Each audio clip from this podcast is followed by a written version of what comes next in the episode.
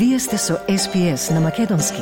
Слушнете повеќе прилози на sps.com.au козацрта на Седонин. Слушате СБС радио, програма на македонски јазик. Денес со вас е Васе Коцев.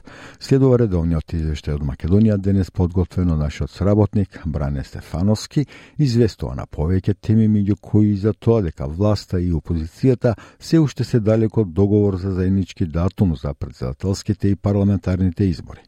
А на вчерашната седница за пратенички прашања се расправаше и за наводни сексуални уцени во македонската армија. Министорот за внатрешни работи нема да биде сменет на барање на опозицијата, вели премиерот Димитар Ковачевски. И старите пасоши, на кои има важечки визи, ќе им бидат вратени на граѓаните. Пообширно во извештајот.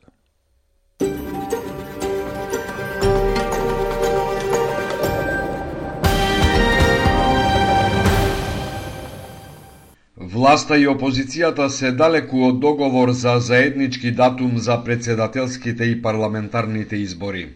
Опозицијата постојано бара предвремени избори, а власта е категорична дека тие ќе се одржат во својот редовен термин идната година. Председателот на Собранието Талат Джафери на брифинг со новинарите вчера уште еднаш ги презентира законските рокови според кои редовен термин за заеднички избори може да биде меѓу 5 и 8 мај. Ако партиите не се договорат, Джафери вели дека законот го обврзува председателските избори да ги закаже меѓу 14 март и 8 мај. За парламентарните избори вели дека првиот редовен термин е на 5 мај, а последниот 15 јули. Ако се донесе одлука изборите да се одржат пред овој термин, тогаш тие ќе се сметаат за предвремени, а разликата со редовните избори е тоа што се кратат само 5 дена од роковникот за спроведување на изборните дејства.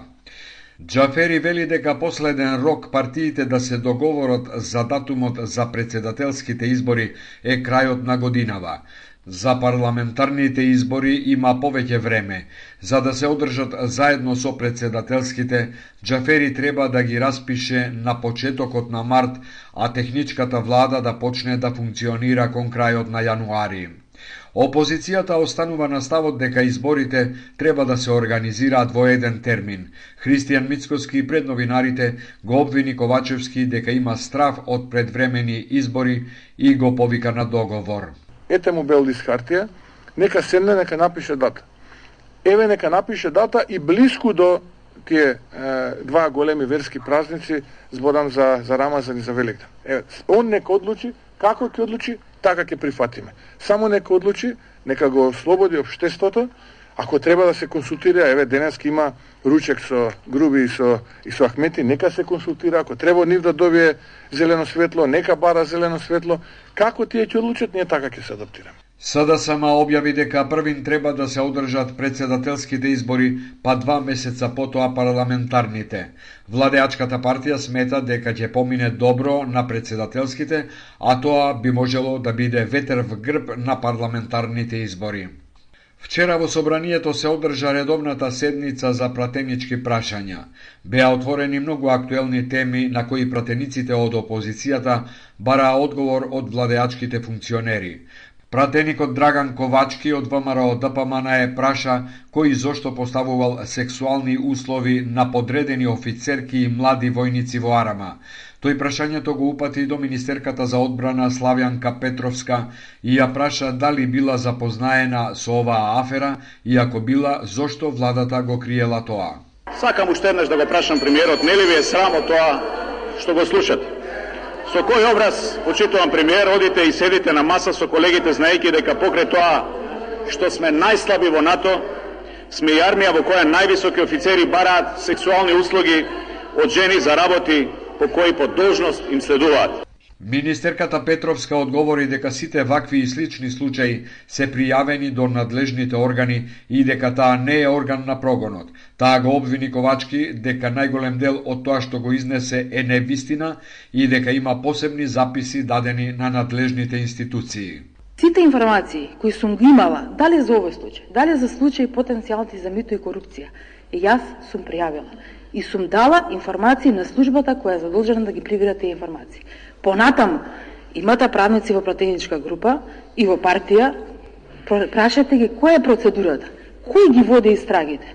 Нити водам истрага, нити имам законско право да превземам дел од истрагата која води јавното обвинителство. Друга интересна тема што ја издвојуваме од вчерашниот собраниски ден е темата за изградбата на коридорот 8 Исток-Запад, што треба да го гради американско-турскиот конзорциум Бехтелиенка. ВМРО ДПМН е повторно обвини дека државата ќе плаќа пенали за тоа што доцни изградбата. Пратеничката Гордана Силјановска Давкова всушност му се обрати на вице-премиерот Артан Груби. Сакав да го прашам од каде му произлегува правото да делува како менаџер на Бехтел Јенка со нашите пари. Вице-премиерот Артан Груби возврати дека повеќето пратеници на ВМРО да ДПМН ја сваќаат важноста на иницијативата за уставни измени, но дека се неми послушници на лидерот Мицкоски. Немојте така со лажни вести. На вистина завидувам. Би сакал да имам таква политичка партија и јас, која што слепо ќе верува на насоките на партијата. Пола од вас знаете дека е правилно уставните измени да се усвојат. Пола од вас, но слепо верувате во наредбите од страв од партијата која што ви доаѓаат. Вчерашната седница за пратенички прашања се држеше во полупразна сала. Седниците за пратеничките прашања редовно се одржуваат секој последен четврток од месецот. Криминалната пресметка во Ист Гейт Молот во Скопје исто така се најде на седницата за пратенички прашања. Министерството за внатрешни работи се уште трага по напаѓачот кој пред три дена во трговскиот центар Ист Гейт во Скопје рани две лица. Мовера информира дека во тек е масовна потрага по напаѓачот, дека се формирани специјални тимови за таа цел. Здравствената состојба на двајцата повредени е критична, тие и натаму се на интензивна нега. Пратениците од опозицијата побараа оставка од министерот Оливер Спасовски. Тие обвинија дека 20 убиства во Скопје не се расветлени и дека по кој знае кој пат полицијата не действувала превентивно. Христијан Мицкоски го обвини министерот за внатрешни. Овој човек треба да биде озбилно, озбилно загрижен по промената на, на владата во Македонија, затоа што има многу информации кои што доаѓаат и, и многу индици кои што даја до нас за тесна соработка помеѓу врвот на Министерството за внатрешни работи со овие криминални групи. Премиерот Ковачевски застана во одбрана на Спасовски и рече дека нема да го разреши затоа што покажал одлични резултати во борбата против криминалот.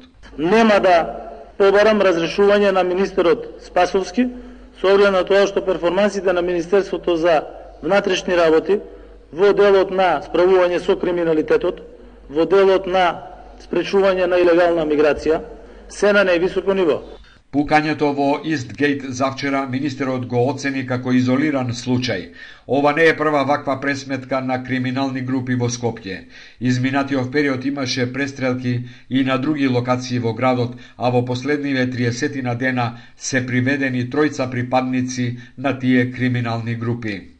Македонските граѓани што имаат важечки визи во пасошите, а мораат да ги сменат до февруари годинава со нови, можат да ги добијат назад старите пасоши три дена откако Министерството за внатрешни работи ќе им ги задржи. Тие ќе патуваат како и досега, кога на пасошите им истекуваше важноста, а имаат важечки визи. Со себе треба да ги имаат и стариот пасош со визите и новиот. На македонските граѓани визи им требаат за патувања во 114 земји во светот.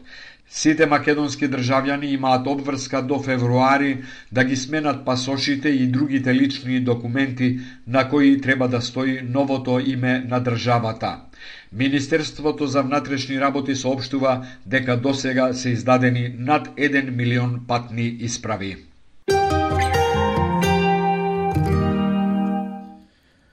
На програмата на македонски јазик на Избес радио го слушавте извештајот од Македонија, подготвен од нашиот соработник Бране Стефановски.